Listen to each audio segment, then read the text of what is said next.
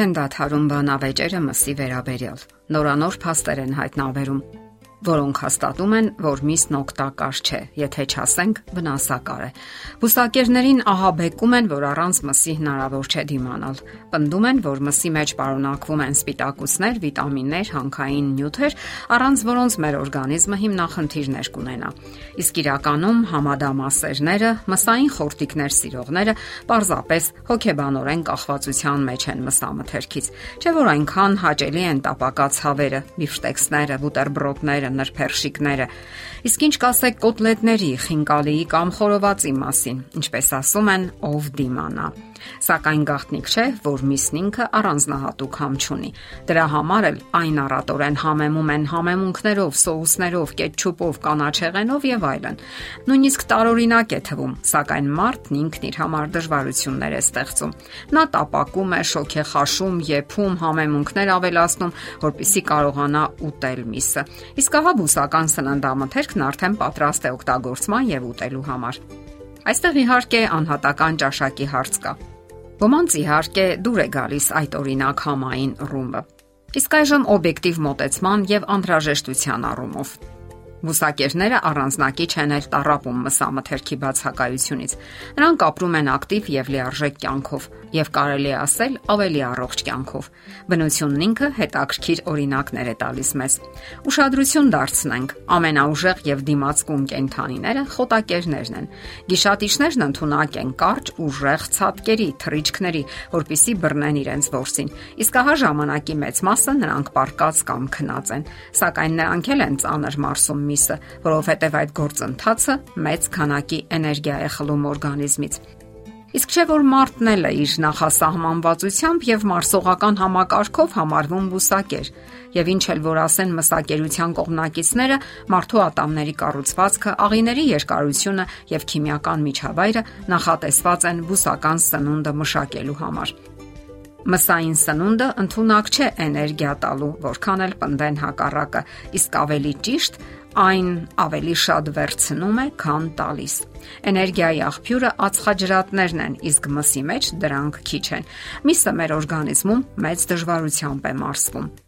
Մարդկային օրգանիզմը նախատեսված չէ մսի մշակման համար, սակայն այն փորձում է իր ողջ ուժերով հարմարվել իրեն անծանոթ այդ սննդին։ Ամեն անգամ, երբ դուք միս եք ուտում, ձեր օրգանիզմը հսկայական ջանքեր է գործադրում, որpիսի մշակի անմշակելին Եվ նա կատարում է այդ առաջադրանքը, որովհետև գերազանց ու կատարյալ մեխանիզմ է եւ ամրության հսկայական pašար ունի։ Հսկայական, բայց ոչ անսահմանափակ։ Այդ ձեռնացությունների եւ տարօրինակ աշխատանքների համար օրգանիզմը վճարում է հիվանդություններով, ճարպերի, աղերի եւ այլ անպետք նյութերի կൂട്ടակումներով, ինչպես նաեւ վաղաժամ ծերությամբ։ Միսը շատ քիչ հեղուկ է պարունակում իր մեջ, ավելի քիչ, քան ցանկացած սննդամթերք Իսկ ահա մշակելուց հետո վերանում է նաև այդ քիչ հեղուկը։ Մեր ստամոքսի համար շատ դժվար է ճեղքել այդ օրինակ սննդամթերքը, իսկ որpիսի միսն անցնի մեր աղիների ամբողջ 9 մետրը, պահանջվում է ամբողջ 20 ժամ։ Եվ մշակումից հետո էլ դեռ անհրաժեշտ է, որ օրգանիզմից հեռանան մեծ քանակի թափոններ։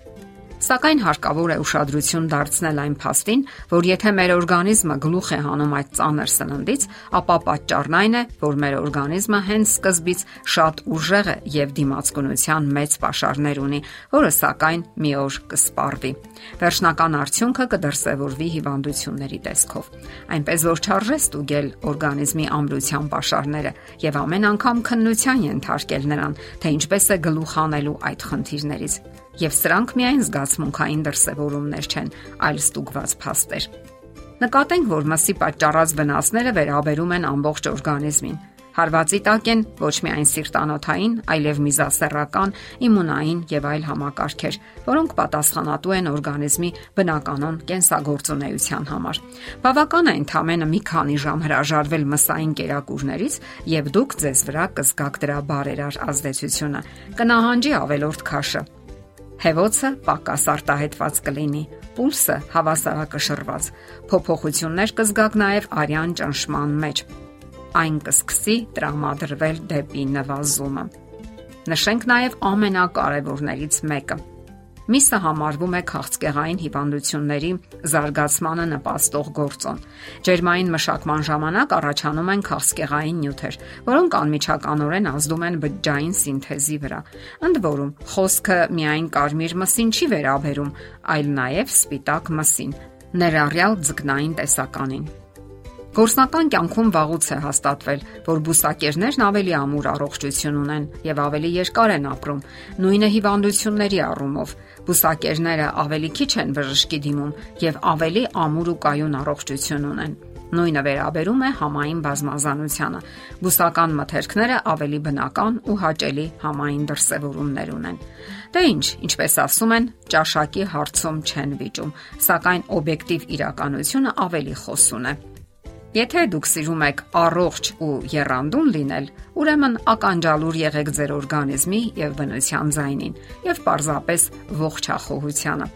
Բնությունն ինքը այնպիսի լայն հնարավորություններ է ընձեռել, որ ոչ մի կարիք չկա սպանություն կատարելու, ախորժակին հագուրտ տալու եւ պարզապես քիմքին հաճո լինելու հնարավորության սահմաններում շատ օգտագործեք թարմ մրգեր ու բանջարեղեն։ Չմոռանաք նաև կանաչեղենի մասին։ Եղեք առողջ։